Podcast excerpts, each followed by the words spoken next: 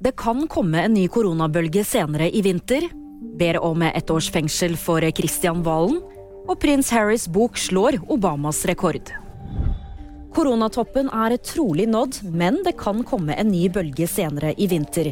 Det kommer frem i FHI sin ukesrapport. Den viser også at det har vært en nedgang i påviste tilfeller og sykehusinnleggelser de siste ukene.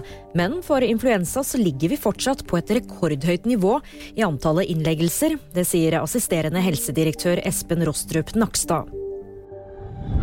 Aktor ber om ett års ubetinget fengsel for Christian Valen. Dersom retten kommer frem til at komikeren skal dømmes til dette, så betyr det at han må sone straffen i fengsel.